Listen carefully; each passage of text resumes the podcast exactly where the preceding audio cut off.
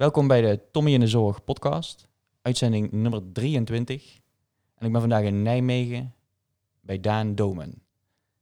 En Daan is ondernemer, wetenschapper en hij is lid van de Raad voor Volksgezondheid en Samenleving. Een hele mond vol. En jullie kennen hem misschien wel van de bekende app Lucie.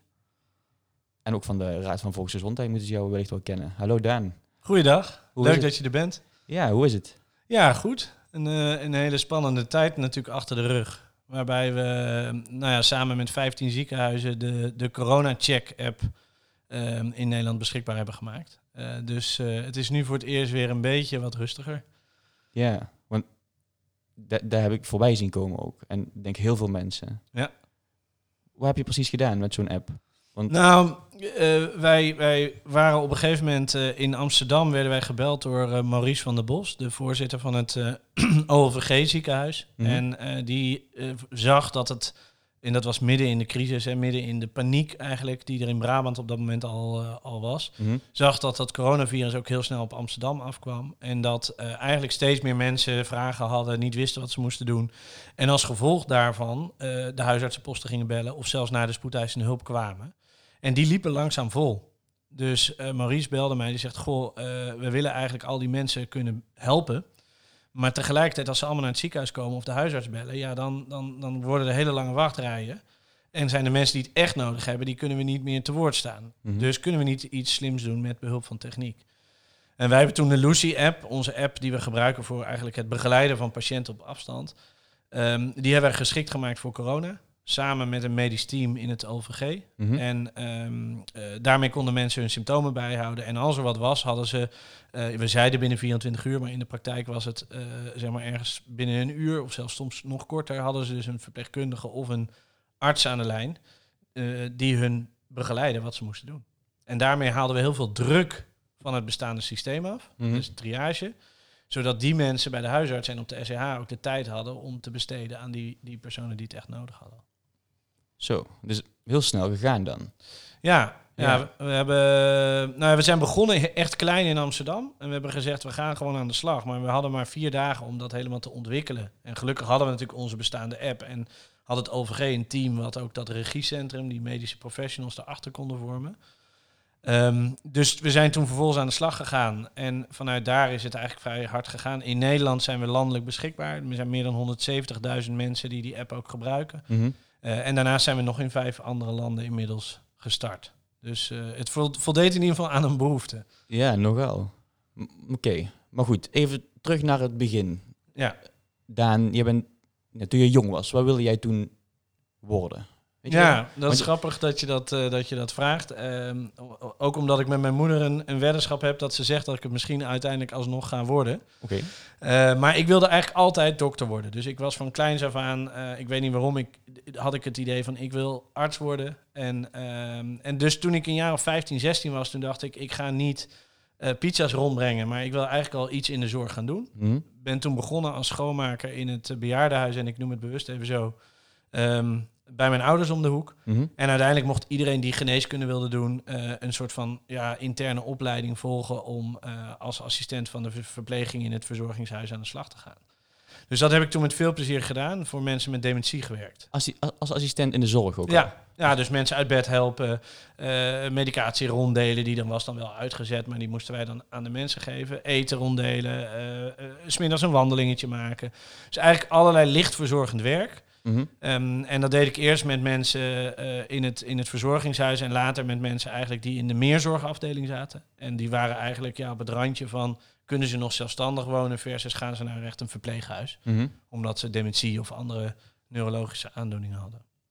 Dus eh, heel jong, eigenlijk al in de zorg. Ja, dus Ja. ik heb dat eh, eigenlijk in v- verschillende jaren gedaan met heel veel plezier. En ik denk daar ook nog steeds als een hele mooie ervaring aan terug. En toen werd ik eigenlijk uitgeloot. Dus ik zat te wachten. Ik had me ingeschreven voor geneeskunde. En ehm, ik eh, had goede cijfers op school. Dus ik had alle hoop dat dat ging lukken. En toen Mhm. werd ik gebeld. En toen zei men, joh, je hebt lot nummer 4613.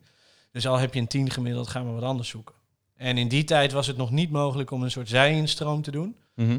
Dus eh, ja, toen, toen moest ik een keuze maken, wat nu? Want eh, of naar België of wat anders. Vond je dat moeilijk toen? Want je wilde dokter worden en eigenlijk kon het toen even niet. Nee, dus ik vond dat heel moeilijk, want dat was echt mijn droom. En st- nog steeds wel als ik in een ziekenhuis kom. eh, kijk, ook toen ik als assistent van de, van de verpleging werkte in dat verzorgingshuis. Het direct werken met mensen. eh, Mhm. het direct kunnen helpen van iemand die, die, die, die nou ja, eigenlijk iemand nodig heeft om hem te helpen. Of het nou is om, of je hem uit bed haalt of de steunkuisen aantrekt of wat dan ook. Ja, dat vond ik en vind ik nog steeds heel erg mooi. Mhm. Ehm, en ja, ik ben toen uiteindelijk terechtgekomen bij technische geneeskunde. Althans, dat was in mijn tijd technische bedrijfskunde, eh, geneeskunde en management. En ik mag officieel niet zeggen dat het een voorloper was, maar het was een combinatie van eh, eigenlijk bedrijfskunde van de zorg. Hoe organiseer je de zorg? Mhm. Medische techniek. Twente was natuurlijk een technische universiteit. En eh, basisgeneeskunde. Dus wij moesten verpleegkunde stages lopen. Wij moesten anatomie, fysiologie, maar allemaal op een basisniveau. Mhm. Ja, en daar kwam voor mij eigenlijk een aantal werelden bij elkaar. De wereld van de techniek en de wereld van de zorg. Ehm, eh, en ja, dat is later wel een rode draad in mijn leven geworden. Ja. Ja. Ja, want dan heb ik een vraag die ik eigenlijk altijd aan iedereen stel. Wat betekent zorg voor jou? Nou, voor mij betekent zorg eigenlijk twee dingen.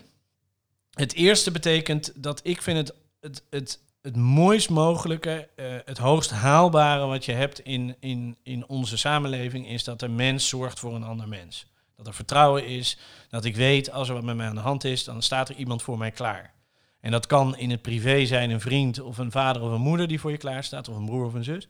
Maar dat kan dus ook als je kwetsbaar wordt, de zorg zijn. En of dat dan een dokter is, of een verpleegkundige, of een verzorgende, of een schoonmaakster die langskomt, of schoonmaker die langskomt. Dat maakt niet zoveel uit, maar dat is volgens mij wat het grootst mogelijke, het hoogst mogelijke haalbaar is. Een mens staat klaar voor een ander mens als nodig is. Ehm, en het tweede voor zorg is ook dat het niet alleen is van ja, iemand komt jou helpen, maar ik heb ook nog eens het recht en ook de toegang tot de allerbeste zorg in mijn specifieke situatie. Mhm. En dan dat is, als ik ouder ben en gebreken heb, kan dat een thuiszorg zijn. Maar als ik eh alvleesklierkanker heb, is dat de toegang tot de allerbeste behandeling, waardoor mijn kansen het grootst zijn. Mhm. Eh, dus dat is voor mij zorg. Dus warme zorg, mensen die voor elkaar klaarstaan. En ook inzicht in waar is dan de beste zorg voor mij, afhankelijk van mijn situatie. Ja, en dat die ook gewoon toegankelijk is voor iedereen. Ja, en dat vind ik ook een heel groot goed wat wij in Nederland hebben. Hè. Wij hebben eh, een systeem waarbij in de basis de zorg voor iedereen toegankelijk is. Ook dat er geen onderscheid gemaakt wordt of je nou rijk of arm bent. Mhm. Eh, en ik denk dat dat iets is wat we heel erg moeten vasthouden. Eh, en ik maak me er wel zorgen over, over, overigens of dat we dat ook kunnen vasthouden met de uitdagingen die we op ons afkomen. Het is natuurlijk heel duur, hè, die zorg allemaal. Nou ja, duur is één, maar dat is ook, en dat klinkt misschien raar, maar dat is ook een, een vraagstuk van het verdeling van geld. Hè. Waar gaan we Ja. dat geld dan aan uitgeven? Gaan we dat aan cultuur geven, aan defensie, aan zorg of, of, of aan, aan economie of wat dan ook? Maar de belangrijkere vraag die, er, die erachter ligt, en die hebben we in de coronacrisis eigenlijk gedemonstreerd gezien in een soort van pressure cooker, hè? Eh, dat is ehm, dat we gewoon simpelweg de handen niet hebben, de mensen niet hebben om die zorg allemaal te kunnen leveren, Mhm. als we het niet op een andere manier gaan organiseren. En eh, wat dat betekent in het heel klein, of tenminste in het heel eh heftigs, dat zag je natuurlijk tijdens die coronacrisis. Hè. De ziekenhuizen waren gewoon vol. Ja. Eh, de verpleeghuizen waren beperkt. De thuiszorg kon niet alles wat ze wilden. En dus zag je dat er mensen in één keer ja, niet meer ervan uit konden gaan van nou, ik wil zorg en ik heb het nodig, dus ik kan het krijgen. Ja. En als je een beetje door de oogharen naar de toekomst kijkt, dan zie je dat met de enorme groei van het aantal chronisch zieken, meer ouderen die meer chronische ziekten en ook andere ziekten hebben, eh, en niet, minder, niet meer mensen die in de zorg gaan werken, dat daar eigenlijk de grote knelpunt zit. En, maar wat denk je dan dat we moeten doen? Is het dan dat we ehm, ervoor moeten zorgen dat er meer mensen in de zorg gaan werken? Of moeten we zeg maar, de mensen die zorg nodig hebben op een andere manier gaan helpen? Ja, dus ik, ik denk dat we dat beide moeten gaan doen. Eh, dus we moeten sowieso inzetten om mensen te overtuigen en, en het aantrekkelijk te maken om in de zorg te werken. Mhm. En het tweede wat we moeten doen is, en ik noem dat eigenlijk eh, de kracht van de patiënt benutten, is veel meer kijken van hé, hey, wat kan en wil die patiënt of cliënt of hoe je hem wil noemen, burger, eh, zelf doen. Mhm. En, ehm, en als je daarnaar gaat kijken, en dat is natuurlijk iets wat we met mijn bedrijf Lucy proberen te ondersteunen met techniek, ehm, dan zie je dat mensen prima thuis bepaalde controles kunnen doen. Eh, prima ook eigen verantwoordelijkheid voor dingen kunnen nemen. Zolang ze maar zeker weten dat er dat lijntje met die zorgverlener is. Dat Ja. als het nodig is, dat ik dan ook terecht kan. En daar zit volgens mij een hele grote en hele belangrijke stap. Ja, want jij doet echt superveel.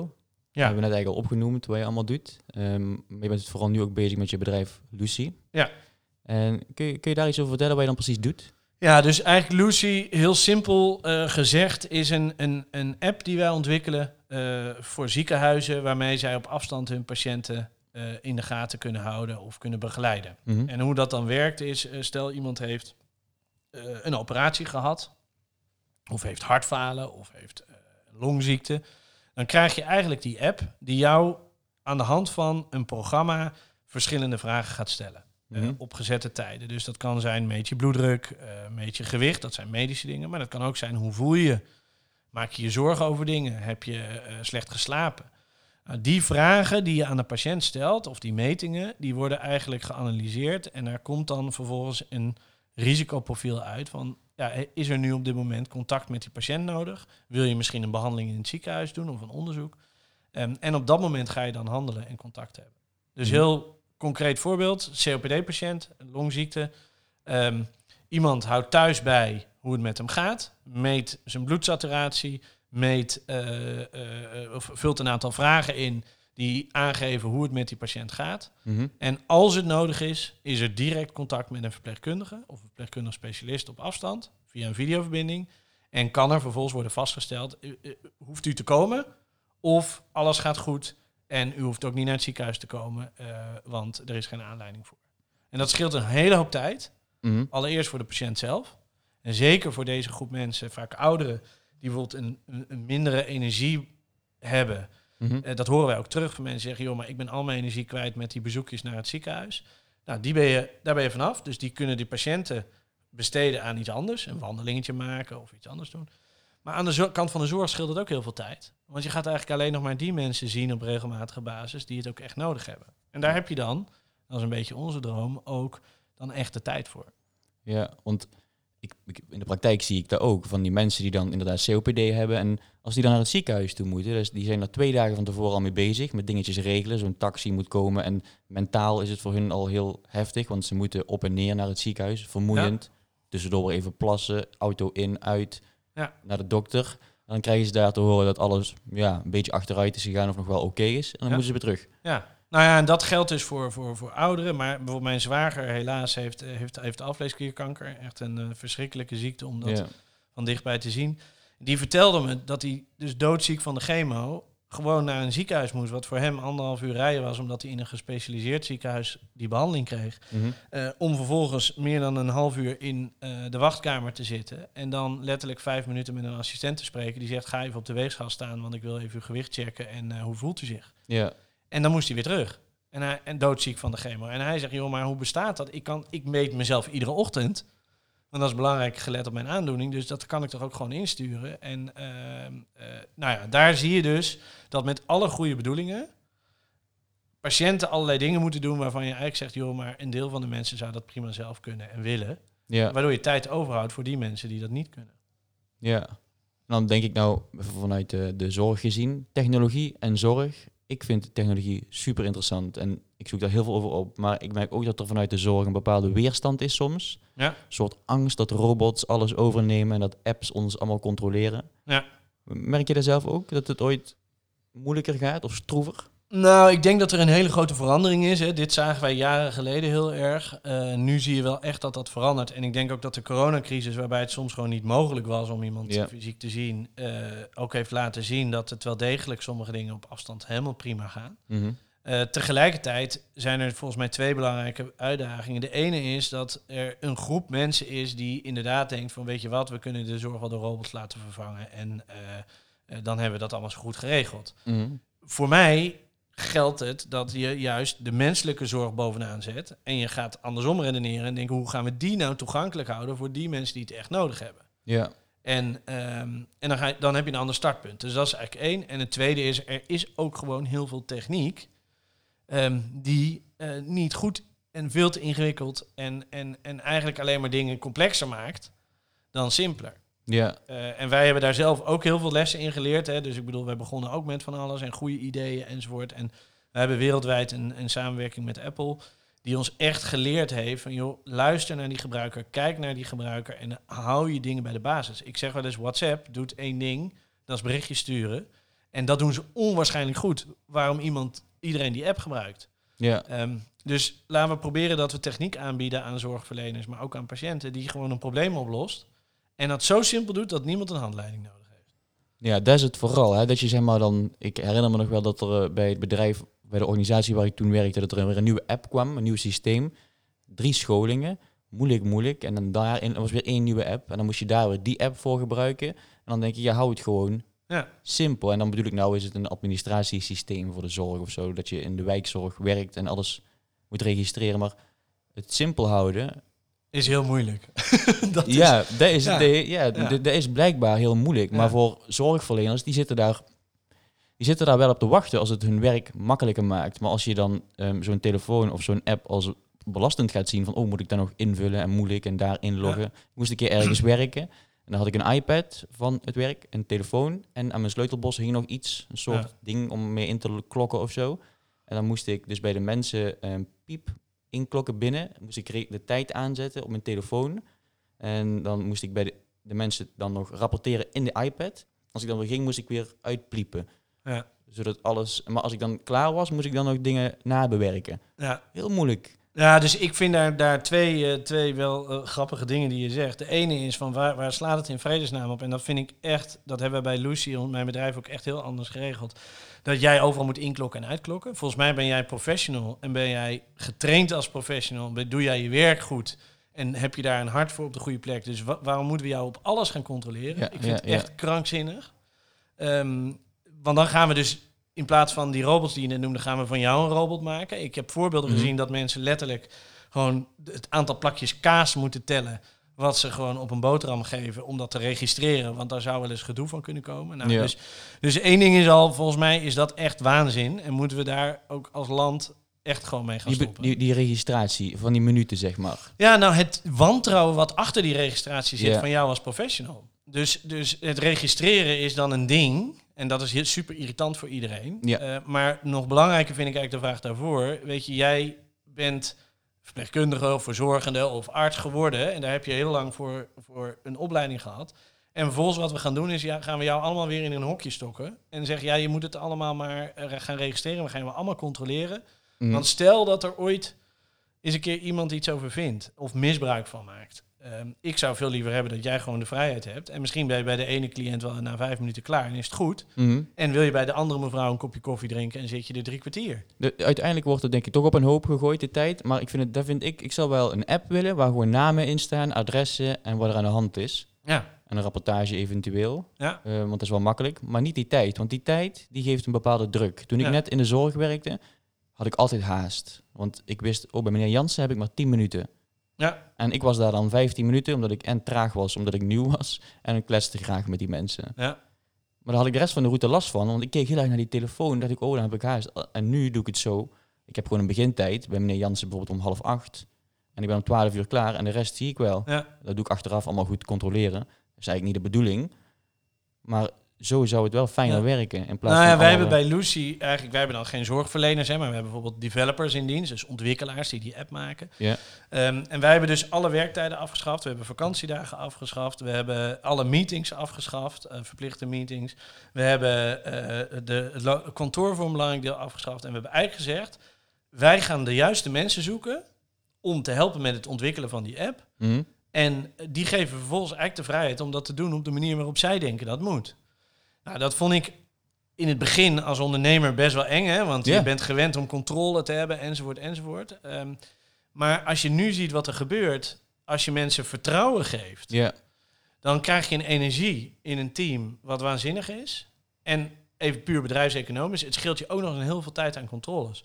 Voorbeeld, wij hadden in een, eh, eh, in een andere setting hadden wij bijvoorbeeld de discussie steeds over treinkaarten. Moet iemand nou eerste klas of tweede klas reizen? En dan werd dan allemaal over gedacht en weet ik het wat. Nu hebben we gezegd, weet je wat? Zoek het uit. Doe wat jij denkt dat goed is voor het bedrijf. Als jij eerste klas wil reizen, want dan kan je werken of dan ben je eh, uitgeruster of dan kan je aan het einde van de dag lekker nog even naar je gezin en ben je klaar met alles. Ehm, doe dat. Mhm. We weten met elkaar hoe we omgaan met, eh, met geld, in dit geval in een bedrijf. Maar ik vertrouw jou dat je de juiste afweging neemt. Iemand anders die doet dat tweede klas, prima. Mhm. Dat scheelt mij dus dat ik iemand moet gaan hebben die dat allemaal gaat zitten controleren. Ja, En het blijkt dus, mensen maken er helemaal geen misbruik van. En laat dat eens één of twee keer gebeuren dat iemand stiekem twee eerste klas gaat zitten, dat, die, dat het eigenlijk geen zin had. Nou en? ja. Weet je? Dus het is een fundamenteel vraagstuk dat we mensen moeten gaan vertrouwen op eh, professionals moeten gaan vertrouwen op het werk wat ze doen, op de manier waarop ze dat organiseren.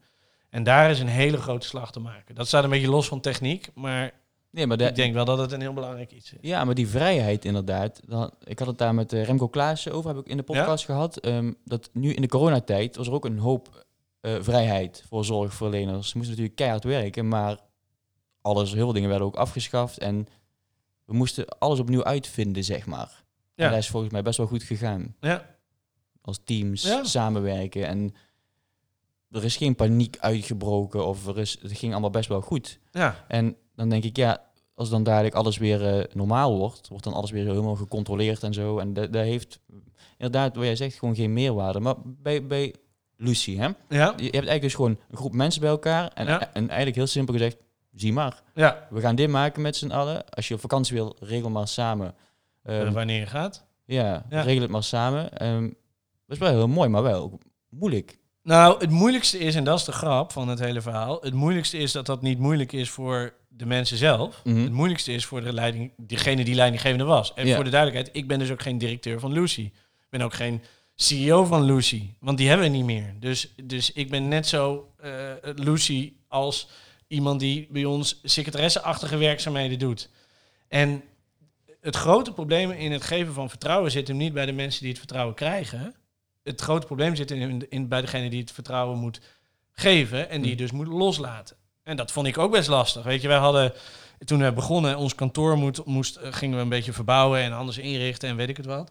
Ja, toen kwamen, wa- waren mensen met een plan bezig. Ik had daar geen rol in binnen Lucy. Mhm. Eh, maar die hadden een heel plan ontwikkeld. En dacht, ja, jeetje, er gaat dadelijk zoveel geld naar verf. En is dat nou wel nodig? Mhm. En toen wees een van de mensen op, zei, joh, Daan, volgens mij, ik weet niet wat je denkt, maar jij bent hier niet de baas. Dit is een rol van deze personen.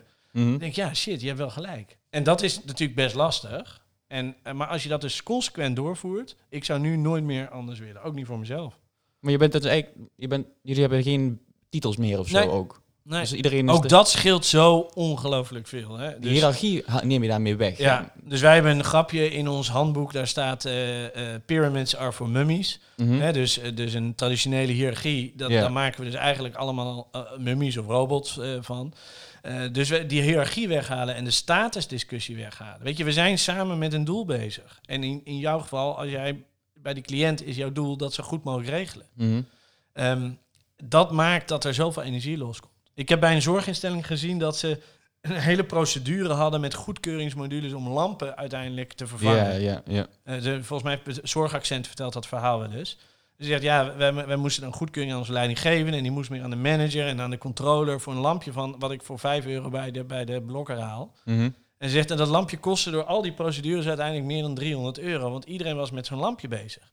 Terwijl, Koop die lamp, draai koop gewoon in. die lamp, draai hem erin. Klaar, doe je thuis ook. Maar waar komt het toch vandaan, die soort controle, ehm, indekkingsdrang?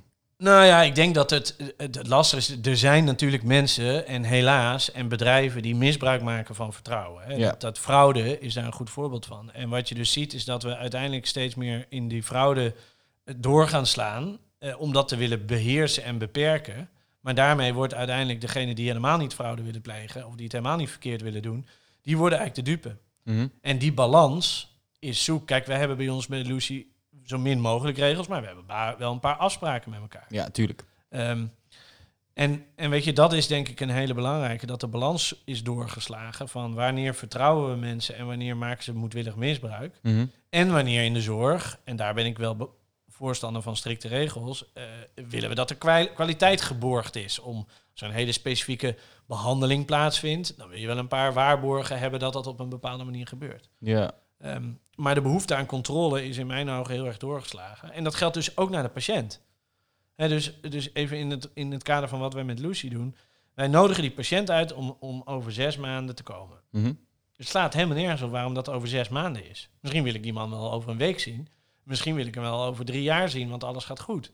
Maar nee, we willen de controle, we willen het planmatig maken, we willen het eh, een proces van kunnen definiëren. Dus we zeggen, u moet over zes maanden komen. Ja. Ja, als we dus dat gaan veranderen en we zeggen, goh, weet je wat, we geven u de tools, de techniek in dit geval, die Lucy-app, waarmee je jezelf kan bijhouden. En we geven eigenlijk wel de controle dat wij op afstand in de gaten houden, ondersteund door die slimme techniek, uh, of er iets geks is. En we maken dat u altijd de kans heeft om te komen. Als u belt, mag u altijd komen. Ja, dan draai je eigenlijk het proces helemaal om. Ja. En bij de corona-check, dus die app die dus in Nederland voor corona beschikbaar is, 170.000 mensen, zit een vraag in. Ik wil telefonisch contact. Er was in het begin veel discussie over. Gaan we die vraag erin zetten? Want ja, dadelijk gaan mensen allemaal op die knop drukken en dan maken ze er misbruik van. Mhm. We hebben erbij gezet, let op, er is beperkte capaciteit. Er zijn heel veel mensen die contact willen. Als u contact wil, laat het weten. Geef ook aan waarom. Maar ga hier zorgvuldig mee om. Ja, van, ja, leg de verantwoordelijkheid bij de mensen. Er is bijna geen misbruik van gemaakt. De Ja. meeste mensen die ook weer daar, als je ze vertrouwen geeft, kunnen prima daarmee omgaan. En Ja. eh, vaak zelfs, eh, als ik, ik heb drie kleine kinderen, op het moment dat er iets aan de hand is met die kinderen en je hebt het gevoel dat het niet goed is, ja, dan kan je ernaast zitten. Maar in heel veel gevallen eh, eh, zit er ergens ook wel een kern van waarheid in. Ja. En dat durven vertrouwen op, op zeg maar de patiënt, dat is eigenlijk ook in wat, het werk wat wij doen een hele belangrijke. Maar wel met de veiligheid van die zorgverlener op afstand die jou kan coachen, begeleiden en helpen als het nodig is.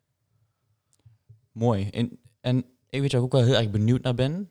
Hoe ben je hiermee begonnen en hoe ben je aan die naam gekomen? Ja, Want ik vind het een hele aparte naam. ja dat is het ook.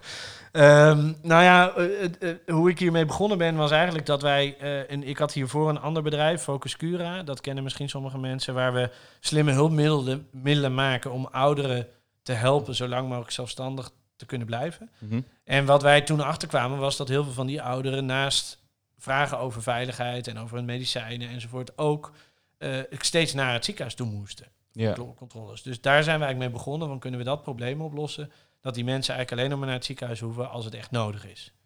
Ehm, en toen zaten we met die naam. En toen hebben we eigenlijk een uitvraag gedaan bij ons team. Van joh, wie heeft er goede ideeën?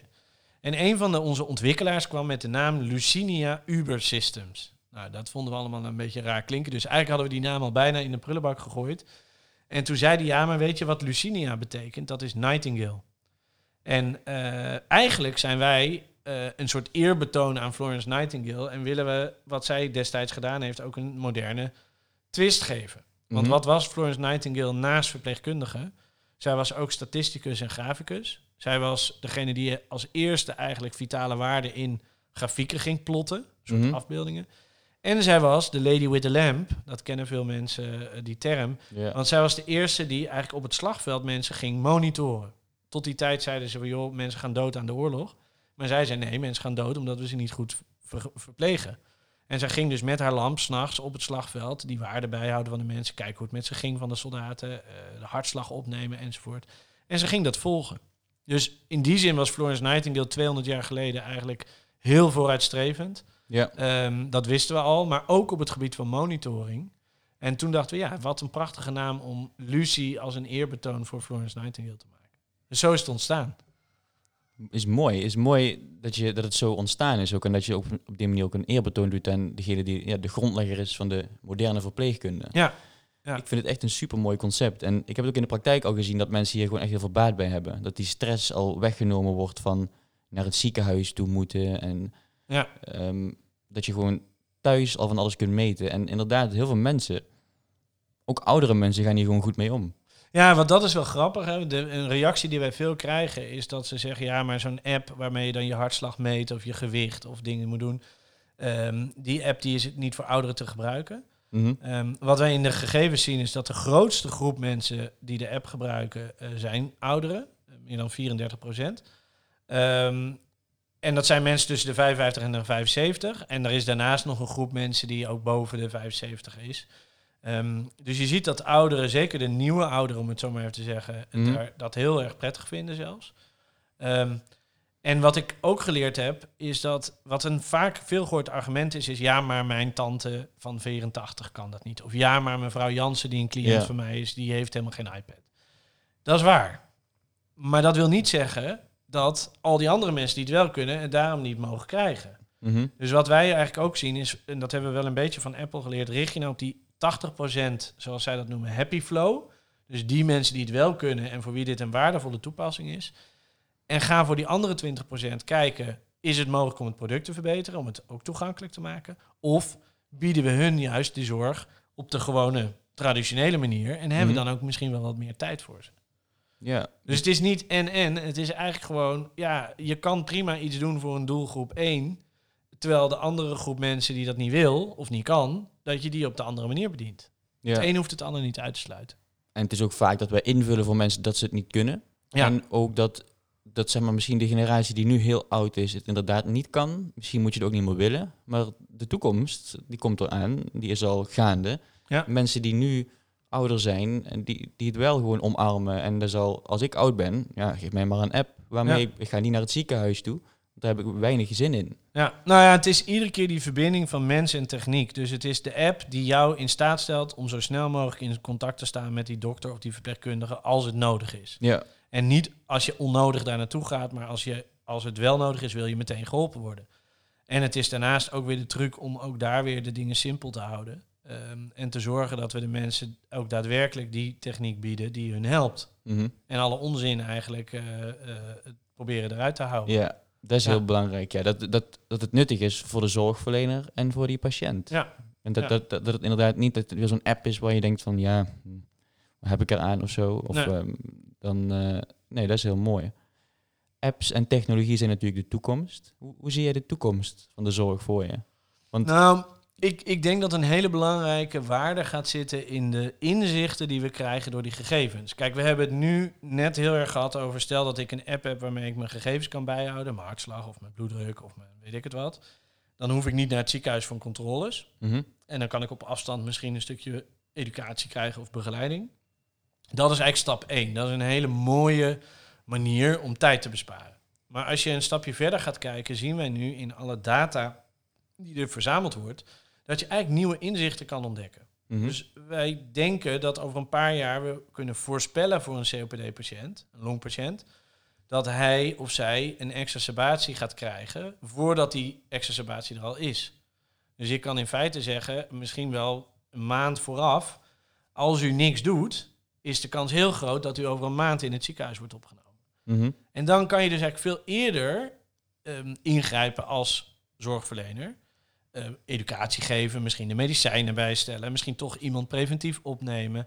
Dus je kan eigenlijk op een hele andere manier die zorg gaan, gaan vormgeven. En dat is nu nog, lijkt dat een beetje toekomstmuziek. Mhm. Maar je ziet nu al op basis van de eerste data-inzichten dat het systeem dingen kan zien die wij als mens één op één niet kunnen zien. En Mhm. die wel heel waardevolle extra informatie zijn voor jou als verpleegkundige bijvoorbeeld. Super. Ja, ik, ik hou er echt van om na te denken over de toekomst. Ik eh, las daar, of was laatst ook aan het luisteren naar een podcast van Elon Musk. Ja? Ken je natuurlijk. Ja? van Tesla. Ehm, hij vertelde ook dat dan zijn bedrijf ehm, bezig is met een soort chip in het hoofd. Die dus voor mensen met Alzheimer, mensen met epilepsie, die dus insulten kan voorspellen. Ja, precies. Dat het al eigenlijk al kan. Ja. Maar dat ze dus nog bezig zijn met de, het uitontwikkelen van zoiets. Ja.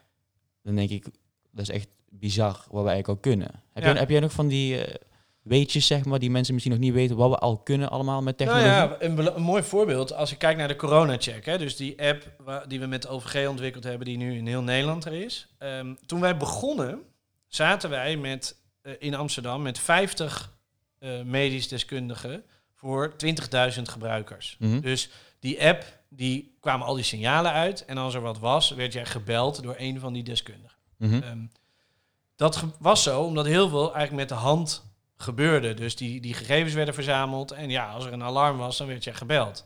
Dat was allemaal mensenwerk.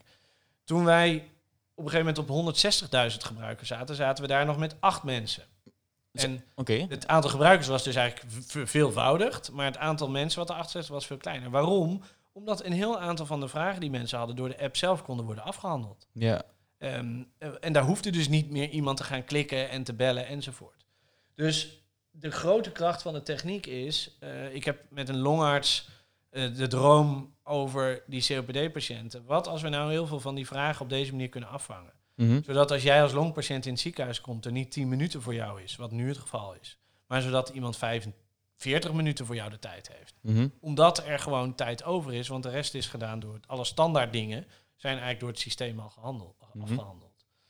Ja, dan ga je de zorg echt radicaal veranderen. En de, de techniek en de basis daarvoor, die is er nu al.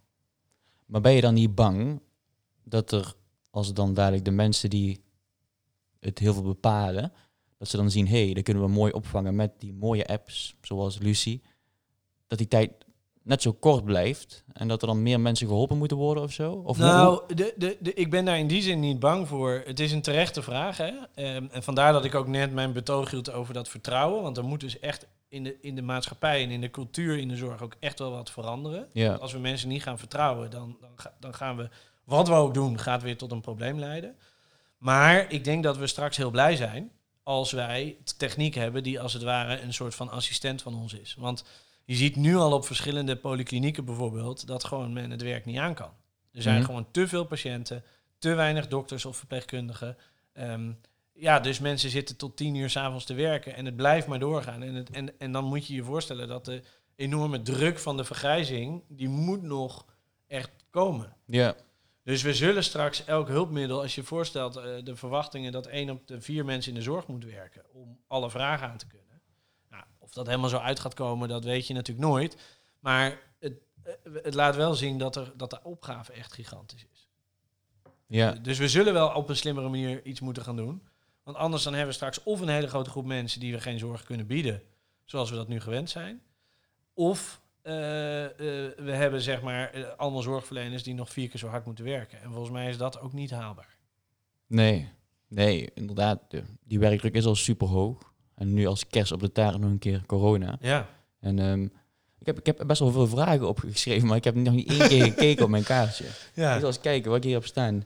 Ja, waarom eigenlijk de, de, de- bijvoorbeeld de ouderenzorg? Hè? Jij, jij best wel, je bent dan in de ouderenzorg begonnen. Heb je Ja. nog steeds zeg maar, daar een passie voor? Of is het voor jou meer heel de zorg? Of is het wel vooral kwetsbare ouderen? Nou, het, het is wel, zeker ook met de ervaring die ik heb gezien bij mijn zwager, eh, is het in die zin wel wat, eh, wat verbreed. Dat ik Mhm. denk, je kan op veel meer plekken eh, van waarde zijn.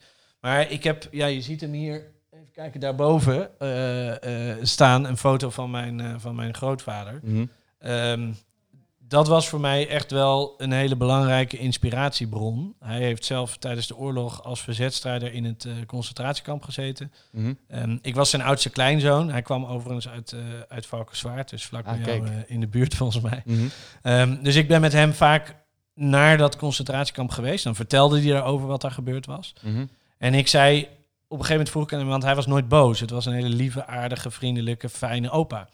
En ik vroeg op een gegeven moment aan hem, joh, maar opa, waarom ehm, ben je nooit boos op wat hier gebeurd is? En, en eh, toen zei hij van, joh, Daan, wat er ook gebeurt, je eigen toekomst creëer je uiteindelijk zelf. Mhm. En ik heb eigenlijk daarmee een soort van aan de ene kant een drang gekregen van laten we niet afwachten wat er gebeurt, maar laten we het heft in eigen hand nemen.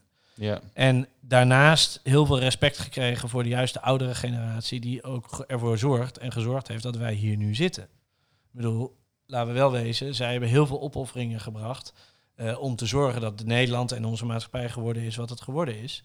En ik vind dat we dat niet nu moeten wegstoppen eh, als een soort probleem. Nee. Maar daar ligt een verantwoordelijkheid voor jou en mij om daar ook voor te vechten. Denk je vaak aan je opa? Ja, ja nou ja, het is eh, voor, voor ons, denk ik, het, ons hele gezin, onze hele familie een hele belangrijke drijfveer geweest. Mhm. Hij is al een aantal jaren geleden overleden, maar nou ja, dat je zo in het leven kan staan, ehm, dat vond ik en vind ik heel bijzonder. Ja. Ja. Ik, heb, ik vind het herkenbaar. Mijn, mijn opa was ook voor mij een soort, eh, ja... Een... Mijn ouders zijn gescheiden, ik was heel veel bij mijn opa. En mijn opa was ook zo'n man van...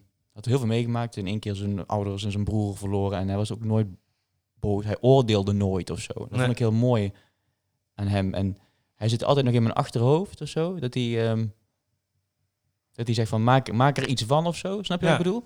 Dat Ja. hij, dat hij, dus grappig hoeveel impact grootvaders dan kunnen hebben. Ja, En nou ja, ik denk ook wel dat zij natuurlijk in een tijd zijn opgegroeid waarin er niet alles was wat er nu is. Ja. Niet qua techniek, maar ook niet qua levensstandaard, qua eh, keuzemogelijkheden die wij hebben. De wereld is natuurlijk heel groot, maar tegelijkertijd voor ons heel klein geworden. Ja. Ehm, en dat je dus ook moet kunnen blijven genieten van die kleine dingen.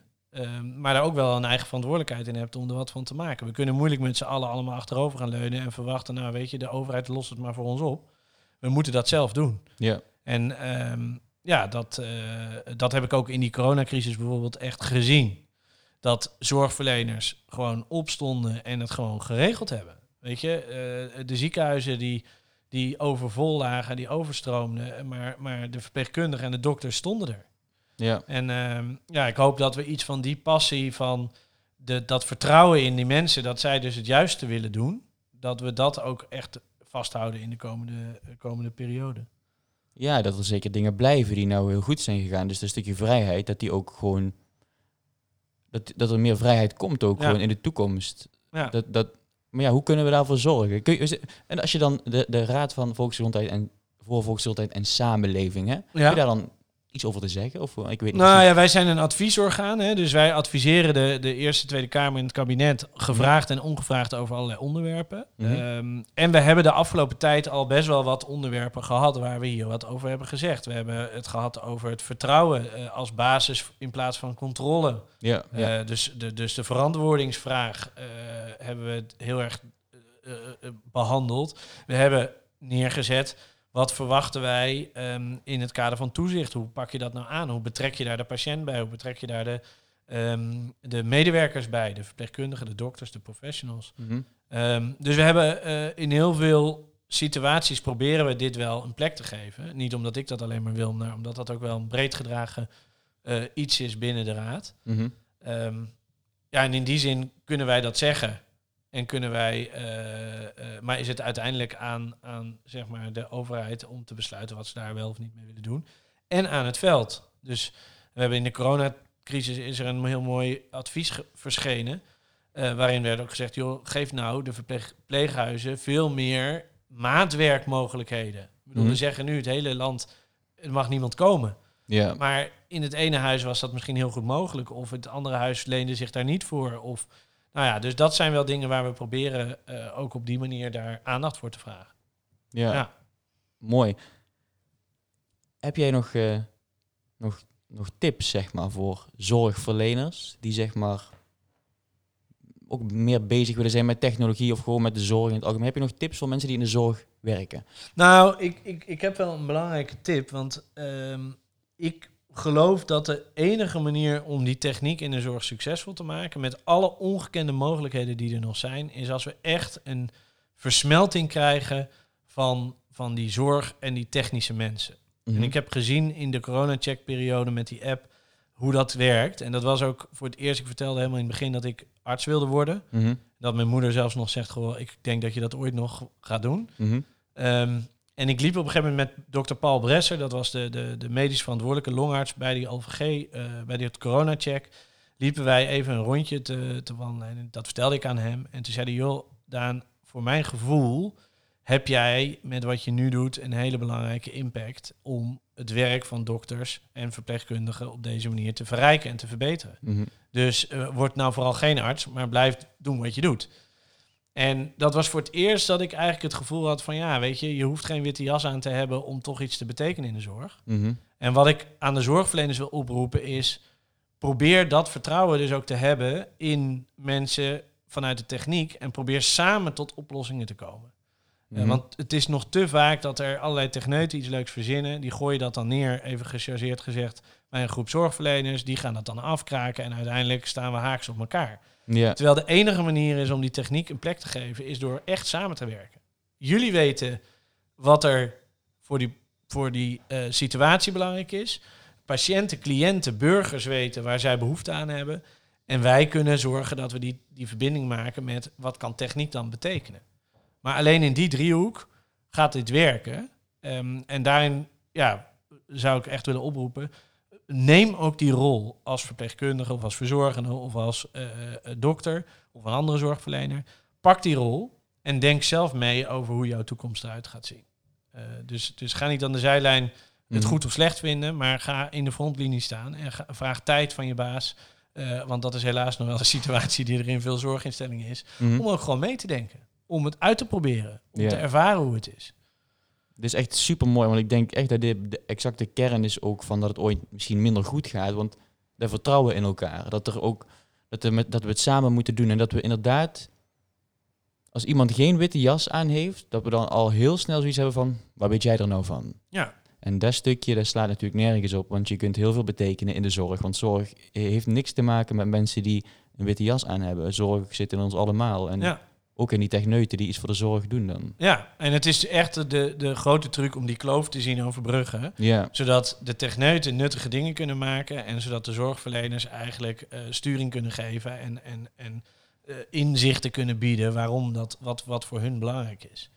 Eh, en te veel ligt dit op het bord van ICT of van managers of van beleidsmedewerkers. En ja, die zijn natuurlijk belangrijk om, om dat allemaal goed af te hechten, om met de verzekeraar te onderhandelen. En ik bedoel dat ik, ik wil helemaal niet zeggen dat die mensen eh, geen nuttig werk doen. Maar uiteindelijk weet jij het beste wat, wat jou kan helpen. Ehm, en is dat voor mij als, als ontwikkelaar een heel belangrijk inzicht om te kijken hoe kan ik jouw probleem dan ondersteunen of oplossen. mooi. Ik, eh, ik wil het hiermee afsluiten. Dankjewel. Jij bedankt voor dit mooie gesprek. Yes, dankjewel.